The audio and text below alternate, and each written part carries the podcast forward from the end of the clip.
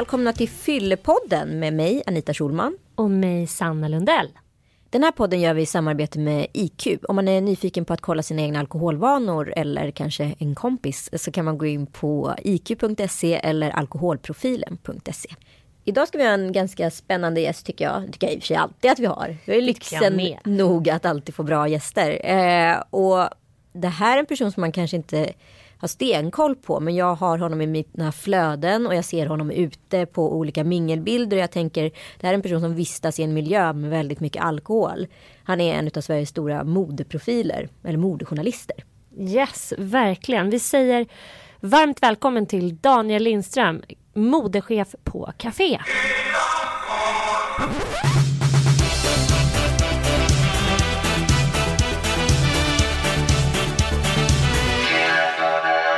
Hej Daniel Lindström! Hej! Vad roligt att du är här hos oss idag. Ja, det känns jättebra. Jag gillar dem. Jag har varit med i några poddsändningar tidigare. Det är väldigt mysigt. Det tror jag har att göra med den här isoleringen också. Att det är så här draperier och grejer. Men det är så här varmt känns det som. Ja, men det är det. Härligt. Eh, jag läste innan jag kom hit eh, en artikel eh, om ditt New York Marathon.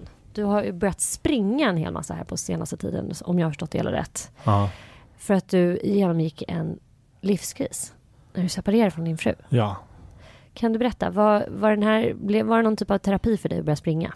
Ja, verkligen. Jag, jag, jag sprang tidigare också, men inte på samma sätt. Det blev liksom att äh, det var en väldigt äh, omtumlande tid där jag mådde dåligt och att det gällde att hitta liksom kraft någonstans. Jag gick i terapi och så också, men äh, det är fascinerande med löpning eller kanske liksom all form av motion egentligen. Men man efter en timme ute i skogen och uh, så, så får man, man får kraft bara som är helt otrolig. Så um, det hjälpte mig fantastiskt mycket liksom. Och, um, det, så jag sprang hela tiden när jag kände att jag var tvungen att rensa huvudet och tänka på, försöka tänka på någonting annat eller att få liksom energi till en jobbigt möte eller något sånt här som skulle ske senare på dagen. Så, så jag, jag samlade egentligen all kraft kring, alltså ifrån, från löpningen. Det var jätte, jätte, jätteviktigt och är fortfarande för mig. Det låter som ett väldigt sunt eh, sätt att hantera en kaotisk tid i livet, tänker jag. Ja, och när jag tittar tillbaka på det, det här är ungefär två år sedan nu, så um, känns det som, nästan som att det var räddningen. För att uh, jag hade då slutat dricka alkohol helt som ett och ett halvt år tidigare. Mm -hmm. Så det var liksom inte en um, det var liksom inte ens ett alternativ för mig att, att kanske Ja, men för jag tänkte just komma in på det att eh, många andra som genomgår livskriser, de börjar dricka mer. Ja. För att liksom dämpa oro och Eh, känslor ja, av uppgivenhet och så. För mig var aldrig det ett alternativ. Mitt, mitt förhållande till alkohol var ju väldigt starkt men det hade bara med liksom fest att göra. Att någon, någonting som var positivt på ett sätt. Men jag, jag, jag drack för att ha kul och festa och sådär. Så att det, men jag, jag hade ju helt slutat då ett och ett halvt år tidigare så att uh, det blev bara ytterligare en, uh, en slags bra energi för mig att, att, att det, det blev löpningen och, och leva hälsosamt som, som, som blev räddningen. Och det kommer så många olika positiva saker ifrån det. Kanske, liksom, allt det här som händer i huvudet. Men sen händer det mycket med din kropp också. Så jag blev ju liksom, så här, kände mig liksom så här snyggare och mer vältränad och jag sprang bättre. Jag liksom blev också taggad och inspirerad av, liksom, även om inte det var det primära så blev jag liksom väldigt, liksom, så jag gjorde sådana framsteg rent liksom, som motionär. Eller vad man ska säga, att kapade liksom tider på olika lopp och sådär. Så att det blev bara en, det blev en så bra positiv spiral av allting. Men får du någonsin så här kritik från du vet, så här, folk som festar eller i modevärlden som tycker att du är för helylle? Nej, alltså jag, jag trodde ju det. Ja. Um, för att um, det var min dåvarande fru um, som fick mig att sluta dricka alkohol. Och det gjorde hon på ett väldigt bra sätt. Hur då? Ja, hon ställde mer eller mindre ett ultimatum. Liksom att, att hon inte ville leva med mig om det fortsatte som det gjorde då. Och vad var det som hade hänt då? Men det var under många års tid så jag jobbar då som modejournalist och i den världen så finns det mycket alkohol. Mm. Det är så här naturligt när man är på en pressvisning i Paris eller Köpenhamn eller nästan att man, man dricker alkohol. Liksom, även, det spelar ingen roll vad klockan är. Så att jag hade inget, inget kemiskt beroende sådär. Jag slutade från den ena dagen till den andra. Liksom, det var bara, jag bara la av. Så jag hade inget liksom sådär att jag hade någon jag hade aldrig något sug efter det, men det var, det var för mycket hela tiden. Det påverkade mitt uh, privatliv. Man blir bakis hela tiden? Ja, och jag blev liksom helt energilös. Mm. Uh, både alltså, kanske på jobbet och men framförallt hemma. Vi har tre barn och sådär. Så, att, så kom, kombinationen av att det var liksom lite för ofta så hade jag även ett problem med att jag då och då kunde bli alldeles för, för berusad. Mm. Och det, var, det är någonting som fanns kvar ända liksom sen jag, sen man började dricka i gymnasiet. Och så där, att jag drack lite för snabbt och, och sådär. Så att det, Svårt att reglera det? Liksom. Ja. Känner inte gränsen? Eller? Nej, aldrig. Jag liksom blev aldrig illamående. Det snurrade inte i huvudet utan jag, jag drack ganska snabbt och, och tyckte att det var kul och så, så, så blev det för mycket. Men framförallt var problemet att, att det var liksom mycket i mitt jobb hela tiden. Mm. Så jag liksom ja, det, det, tog ut sin rätt. Men hur funkar då folk inom modevärlden? Säger de inte till då eller, eller blir det liksom som att man alla bara så tystnar och inte säger någonting? För du har ju ändå en ganska så här viktig position inom mode. Ja, men det som var ehm, det som hände var att när jag bestämde mig för att ta det här, när jag förstod hur, liksom, hur allvarligt det var, okej, okay, jag måste sluta helt då var min första, det första som kom upp då var hur ska det här uppfattas av hela den här världen som jag lever i? Hur ska jag framstå socialt nu? Jag måste ha någonting att eh, skyll, jag måste ha någonting att skylla på inom situationstecken. Så vad var första officiella storyn då? Ja men det var så här, att, för jag trodde nu, nu kommer hela, nu kommer hela modebranschen i Stockholm att prata om att det. jag har varit alkoholist. Det var ja. ungefär den, så mycket tror jag att folk bryr sig om mig. Men, men så, jag, så jag gick in, vi bestämde det här på någon slags, uh, i en diskussion på kvällen. Och sen innan jag skulle gå och lägga mig så gick jag och anmälde mig till Stockholm Marathon. Uh-huh. För det hade jag aldrig sprungit tidigare. Jag hade sprungit halvmaraton och sådär. Men jag tänkte så här, om jag anmäler mig till Stockholm Marathon, då har jag verkligen en bra anledning att liksom säga till alla som ska bjuda mig på alkohol. Nej men jag kan inte dricka, det förstår ni väl, jag ska springa Stockholm Marathon. Och det här, jag tror att det här var i oktober någon gång på hösten och Stockholm Marathon var i, i, i första juni ungefär. Så det blev liksom så här, nu, nu är det ett halvår när jag bara ska träna och så där. Så tänkte jag så här, nu, nu har jag någonting att liksom så här skylla på. Men det var ingen som liksom så här brydde sig om det. Nej. Det var ingen som ens tänkte på det? Nej, alltså någon gång sådär. Jag var ju otroligt orolig för det här. Börja, hur ska jag upp? Det jag var rädd för var att jag skulle uppfattas som en alkoholist. Ja. Och det var jag så himla rädd för. För det var, någon, det var en stämpel jag inte ville liksom sätta på mig själv. För jag tyckte egentligen inte att jag hade så stort problem. Jag var inte beroende, alkohol var en festgrej och sådär. Sen har jag ju liksom förstått så här i efterhand. Oh, men det var ett, sen kanske inte jag var alkoholist, men jag hade ett, ett, definitivt ett alkoholproblem. Nu kommer jag till en obligatorisk fråga som ja. jag ändå är inne på det. Vad, vad, är det värsta du har gjort på fyllan? Uh, ja, slagit mig. Ja. ja. Skadat dig illa eller? Nej, men sådär ramlat någon gång och så slagit, uh, gått in i någon så stolpe. Sådana saker liksom. Mm. Uh, tappat någon grej. Så in, inget riktigt så katastrof. Men, uh, men all, nej, det var mer liksom att, att det var bara så ständigt pågående. Liksom. Mm. Någonting som tog väldigt mycket energi. Men, men sen det som hände då i alla de här, när jag väl hade bestämt mig att sluta dricka och var då nervös för hur folk skulle se på mig, så blev det precis tvärtom vad jag hade trott. Då. För jag hade ju trott att folk skulle se på mig som en alkoholist och de skulle tycka att jag var så här, varför drick, varför, vad är det som har hänt, har du problem och så mm. Exakt det motsatta hände egentligen. Ingen brydde sig. Och, men sen gick det någon månad eller två och då märkte jag så här, för då började liksom folk lite grann så här i min närhet, så här, då spred det sig lite grann så där att ja, men han har slutat dricka och sådär.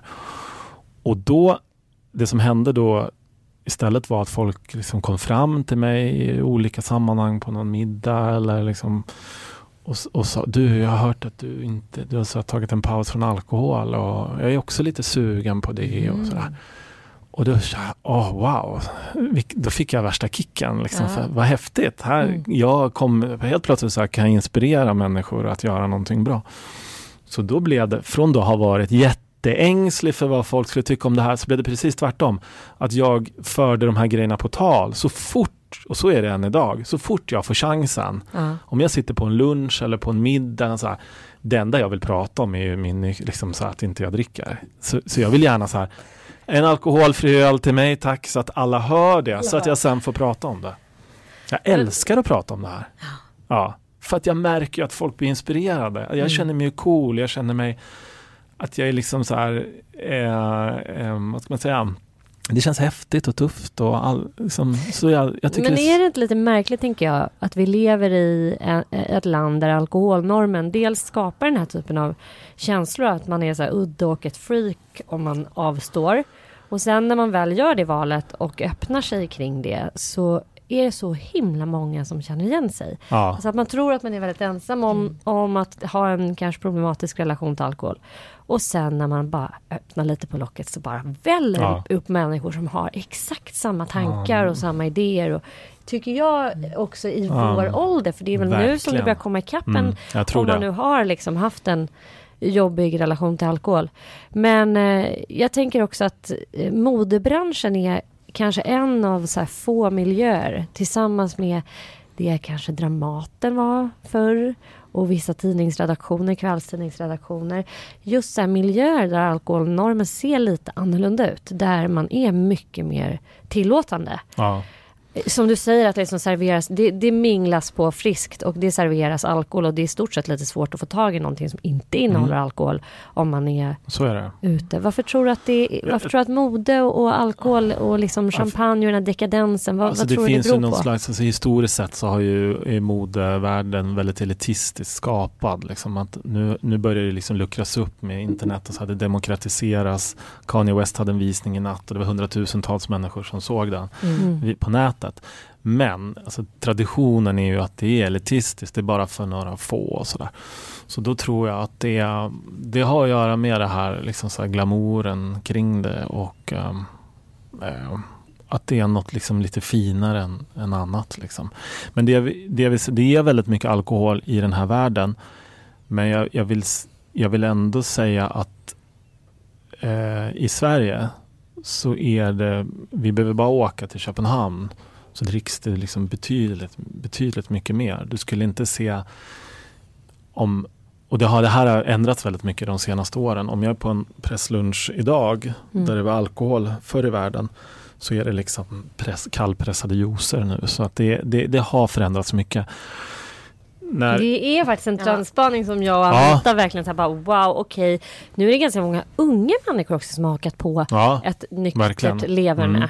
Alltså Men- jag tänker på alla de här DJsarna. Ja, Avicii absolut. och Och Steve sen så Angelo. Gaming Ja. Nation som är liksom, Ja, Mm. Gaming där man inte kan dricka annat än Jolt Cola för du måste Nej. fokusera. Liksom. Så- Men jag tror att det har också att göra med det, det höga tempot vi, vi lever i idag. Där du måste prestera ganska mycket på ditt eh, arbete. Jag har jobbat på samma tidningsförlag i 15 år.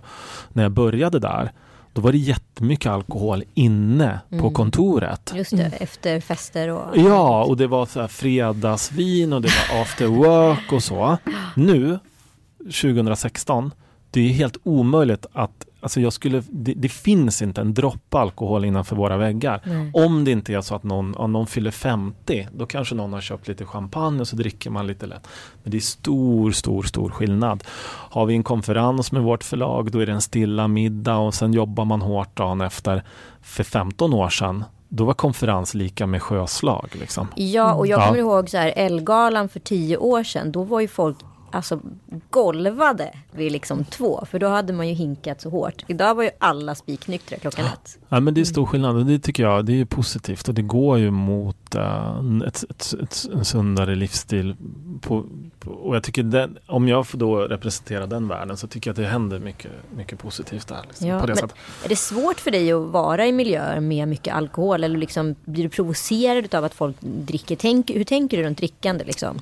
Uh, jag, nu har jag ju vant mig, för nu är det liksom tre och ett halvt år sedan jag, jag slutade helt. Så jag liksom vet hur jag fungerar nu på kvällarna och så. Men det är klart att man...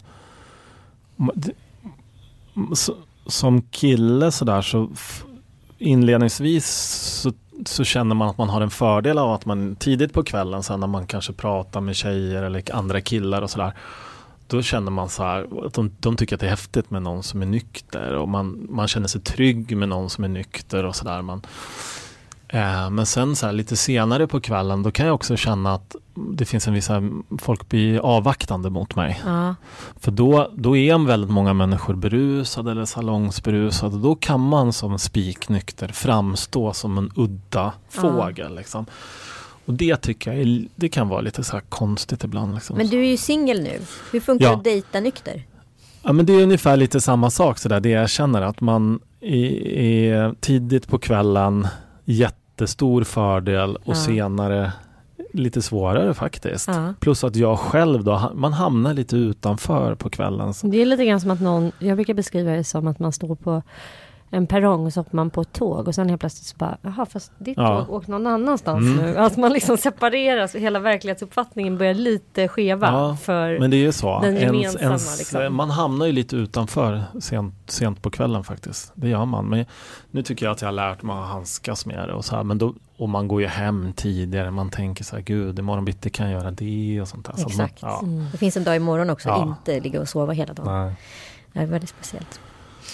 Um, ja, men det här är också en obligatorisk fråga. När var du full senast? Ja, det, jag vet ju exakt när det var. Det var när Swedish House Mafia spelade i uh, på den där nya arenan, heter den Friends, Friends va, mm. ute i Solna. Ja. För det var sista gången jag var berusad. Och det är november, alltså för tre och ett halvt år sedan tror jag. Och att det var det, jag hade liksom ingen men då var jag bjuden dit av ett klädmärke faktiskt. Och vi var där och eh, det var alkohol och inget speciellt hände den kvällen. Men, men det var bara några dagar efteråt så, så tog jag det här beslutet. Så, så, sen dess. så det har blivit liksom som ett litet minne ändå. Liksom att det var just uh, Swedish House Mafia, då, då fick jag nog. Liksom. men blev det ändå liksom ett slags... Men var det du som fick nog eller du sa att din fru ställde ett ultimatum och när ja. ni hade det samtalet Kände du att så här, men gud du har ju rätt liksom. Jag har också gått i de här tankarna eller blev du förbannad eller hur? Ja, först så blev jag arg. Mm. För att, men vadå, det är, ska hon ta ifrån mig det som jag tycker är så kul liksom? Mm. För, för, för, det var bara kul liksom. Så här, festa och dricka och bli salongsberusad och champagne. Jag älskade det liksom. Så första känslan var ju sådär, nej.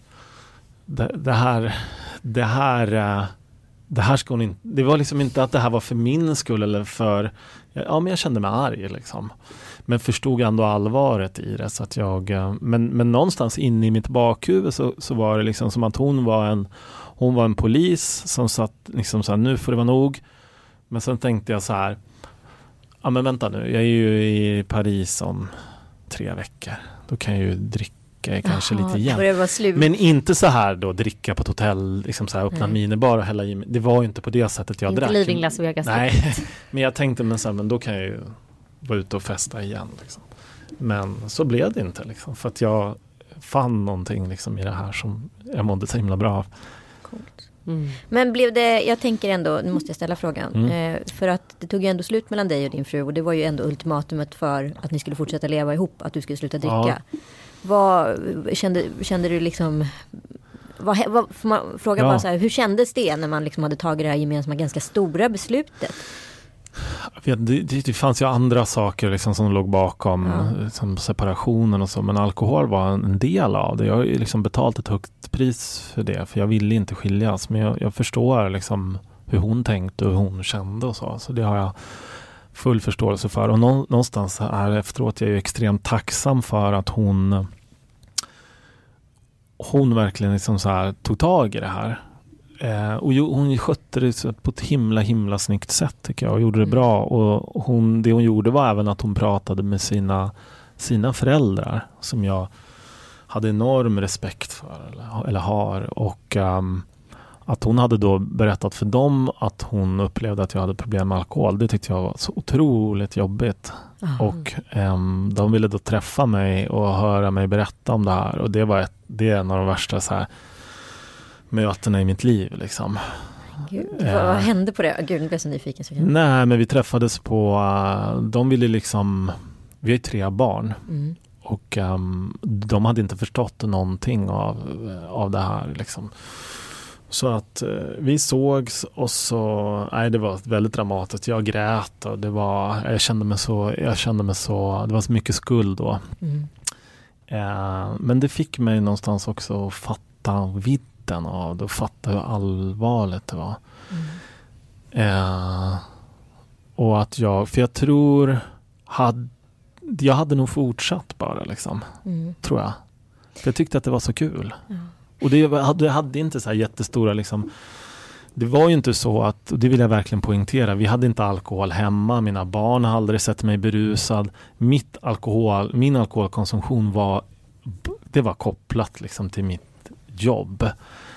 Att det är alltså då mycket så events och grejer som händer på kvällarna och sådär. Så, det, det, eh, vi drack liksom ett glas vin max liksom på, på helgen. Så det, fanns, det var inte det här missbruksbeteendet eller något beroende på det sättet. Men det var väldigt mycket ja, men, liksom, Det var en stor del av mitt liv att, att dricka ändå. Liksom. Mm. Men jag tänker att väldigt många i vår ålder, de börjar ju sluta ju dricka nu. Eh, du känner lite att de har druckit klart, liksom. Ja. har gjort det. Eh, så tänker jag på generationen som var innan oss, alltså våra föräldrar eller kanske de som är födda på 50-60-talet. Att så här, de kanske aldrig slutade dricka och Nej. det går ganska illa för dem. Och vad tror du om framtida generation? Kommer alkohol vara liksom en del av modevärlden i framtiden? Och... Nej, inte på samma sätt. Jag tror inte det. För att idag, vi lever i en tid där folk blir mycket mer upplysta, mycket mer medvetna om vad man äter och hur man ska leva och ta hand om sin kropp och sådär. Så att jag, jag tror att man, jag tror att, jag menar, man tittar på vad som hänt med rökning liksom, och jag tror att det blir ungefär som liksom alkohol förhoppningsvis um, blir ett, um, alltså att konsumtionen blir mindre liksom överlag. För att jag, det, det dricks ju väldigt mycket och jag tycker att det, är, det är sorgligt att se liksom, nu när man, när man har helt klara ögon. Liksom, förutom liksom, all, alla problem det skapar inom, liksom, hemma i familjen. Mm inom väggarna så är det som när man går ut och sådär också se vad det hur framförallt män beter sig och sådär så att det är sorgligt att se. Så att jag, men jag, jag, tror inte att den, jag tror inte att, jag tror att det kommer bli bättre. Sen kommer det alltid finnas berusningsmedel. Jag har ju liksom gått från när man separerar och man hamnar liksom mitt i livet och är singel så har jag liksom, jag har vänt mig liksom till an... Jag har börjat gå på andra slags klubbar lite grann. Jag är väldigt intresserad av elektronisk dansmusik. Jag har varit liksom på sådana festivaler och går lite på sådana klubbar. Och där ser du ju faktiskt att tyvärr att det är ganska mycket droger och så. Mindre alkohol men mycket så kemiska grejer. Så det, så det finns ju ett äh, någon slags behov av att berusa sig på olika sätt. Men så har det ju sett ut historiskt liksom under, ja. under hela. Men jag tänker, du kommer ju från Östersund i Jämtland. Och jag, det gör jag med. Mm. Och eh, jag, min spaning på den regionen, det är att det har funnits väldigt mycket problem kopplade till alkohol. Och det är inte ett förintet att IOGT-NTO har så himla starkt fäste. Och de, har liksom, de byggde sin första, tror jag, eller i alla fall den största nykterhets eh, så här, gemensamhetslokalen i Östersund. Och jag, min morfar var med i den här logen. Min mormor tvingade min morfar att gå med eh, och svära då nykterhetslöfte innan de gifte sig. Eh, och att det var eh, nykterhetsrörelsen hade en väldigt stor roll där. Liksom. Hur, hur såg din barndom ut och hur såg din uppväxt ut? Eh, nej men jag, eh, jag växte upp i ett hem där det var väldigt sparsamt med alkohol. Så min, jag har aldrig sett min mamma berusad. Mina föräldrar är skilda. Min mamma och hennes nuvarande man de är extremt intresserade av vin. Eh, det är deras liv. De åker på vinresor, de har vinkällare. Men jag har aldrig sett min mamma berusad i hela mitt liv. Eh, så det var, det fanns, det var väldigt eh, man dricker vin men man gör det liksom på ett, för, för matens skull och för, som, som en, um, ja, eh, den njutningen. Det handlar ingenting om berusning. Så att eh, för jag, så jag hade liksom ingen ehm, Alkohol var ingenting som var närvarande under min uppväxt utan det var som vanligt så när man började högstadiet och man Ja, men jag var full första gången i Lantis och jag var Ja. full första gången när jag var 13 år. Och det är väldigt tidigt Ja, det är tidigt. eh, idag och också tidigt för stockholmare. De börjar liksom festa långt senare. Men det tycker jag att det fanns ett sånt större alkoholintresse ute på landet för att det på grund av tristess antar Ja, jag. jo, men det tror jag. Jag gick väl i nian och sådär. Men för mig handlar det nog mest om, inte tristess, utan mer att få bort någon slags blyghet sådär. Att Mm. man, man, jag var man var intresserad av tjejer, jag är ganska blyg. Hur närmar man sig dem? Ja, det var jättemycket enklare om man var lite berusad. Liksom. Alltså att den spärren slapp. Liksom. Mm. För mig handlade det om det tror jag. Plus att jag tyckte att det var så himla kul. Liksom. Jag minns första, första gången jag var berusad. ehm, en slags lyckokänsla bara. Liksom. Eh, och den så här, ja jag vet inte. Det, det där känna den där, den där kicken liksom, som kommer och sådär. Jag, det, det tyckte jag var fascinerande och någonting jag liksom så vill, ville ha Mm. ända då fram tills, ja, så det blev ju ganska många år med alkohol ändå. Men hur har du gjort nu i vuxen ålder för att hantera den där blygselspärren? Eller du kanske inte är blyg längre? Du kanske Nej, men jag har nog fått det. mycket liksom så bättre självförtroende. Så. Sen, sen handlar det om att man kommer in i, jag var 20 när jag kom till Stockholm, man kände sig liksom, var ganska svårt att komma in liksom i olika grupper och olika nu känner jag mig så självsäker på ett helt annat sätt och tycker inte alls att jag eh, nej, utan man, jag, jag, vet ju idag också att jag framstår som mycket mer attraktiv eller vad man ska säga om jag är nykter än om jag är berusad. Liksom. Så att jag, jag känner, nej det har gått bort. Det gläder mig också att höra att du går på klubb. För jag dricker ju eh, väldigt, väldigt sällan. Jag kan dricka ett glas vin ibland, då och då. Men i övrigt så dricker jag nästan ingenting.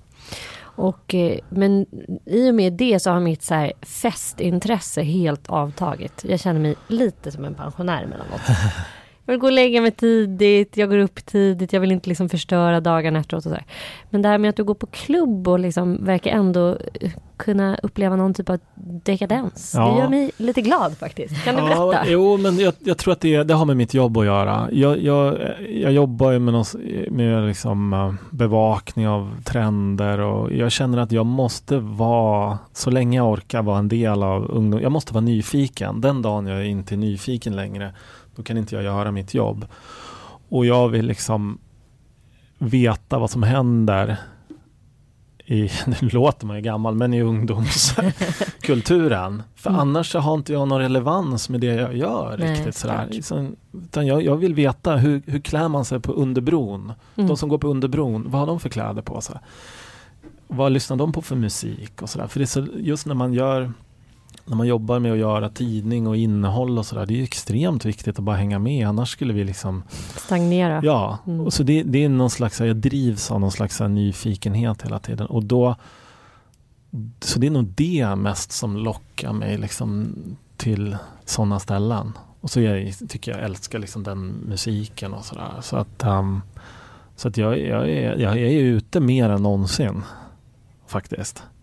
Men hur, var, varifrån kom det här, det här intresset för mode och fascinationen för kanske då så här ungdomskultur eller subkultur eller vad man ska säga? Har du alltid haft det? Nej, men det blev, jag, jag hade turen att få börja jobba på Östersundsposten väldigt, väldigt tidigt. Jag gick bara på högstadiet och halkade in på ett bananskal genom en äldre kompis. Började skriva på sport, liksom så här, som tabellkille som så skrev. Man ringde en fotbollstränare i division 5 och frågade hur det hade, hur det hade gått och sådär. Så jag, jag växte upp på en tidning kan man säga. Jag har aldrig, jag har aldrig varit i en skolsal efter jag gick ut gymnasiet och sådär. Så att hela min, alla lov, alla helger, all, jobbade, jobbade, jobbade, jobbade på tidning. Och, och jag har alltid varit intresserad av musik och film och sådär. Så då när första chansen kom att skriva om någonting annat än dambasket eller curling eller vad det var. Vill du liksom gå och ta bild på den där konserten imorgon kväll på Stadskällaren? Och sådär. Ja, ja, ja, ja, det vill jag. Så att jag på något sätt så här det var nog, jag har väl alltid gillat så här musik och så. Och sen när jag, så jag drevs, jag var väldigt snabbt insåg jag också att jag ville flytta till Stockholm. Och jobba på tidning i Stockholm. Så jag fick sommarvikariat på Expressen när jag var 20. Och det var samma sak där, att jag ville liksom, ja men det var musik och sånt. Så det, det är nog det, att jag Ja, jag är liksom fascinerad av populärkultur tror jag. Och alltid har varit. Ja, Det känns så. Och det är kul att hänga med och det är kul. Och sen, jag tror så här, jag är lyckligt lott. Jag tycker det är otroligt så. Det är en livskris och en livssorg att separera. Men någonstans så kan jag också känna så här vid 42 års ålder att jag, för hade jag varit gift hade jag inte gått på Underbron. Det hade ju framstått som märk, liksom, lite märkligt. Liksom. Men nu, nu får jag uppleva det och jag tycker det är så här. Jag Igen? Det, ja, jag tycker det är kul. Ja, det är lite så. Det är lite så, ja, lite så är det ju. Vissa människor är ju kvar. Jag har ju aldrig varit där. Jag var 22 när jag jag var barn. där. Ja, jag, jag har aldrig varit liksom i stort sett i den där världen. Så här, som att åka till Berlin i Stockholm. G-klubben och typ ja, Gino några ja. gånger. Mm, det var ju härligt. Och då var jag väldigt ung. Och sen mm. blev jag ju mamma när jag var så ung. Så att jag, jag ser lite grann fram emot att jag ska komma ut på klubbarna igen. Jag ska Eller ta dig ut. till Hundbron, Sanna. jag följer med dig Daniel. Tack snälla du för att du kom till oss ja. och pratade om de här jätteviktiga frågorna. Tack. Jag vill jättegärna tacka våra samarbetspartner IQ. Gå jättegärna in på alkoholprofilen.se och undersök era egna alkoholvanor. Vi hörs nästa vecka. Ha det bra.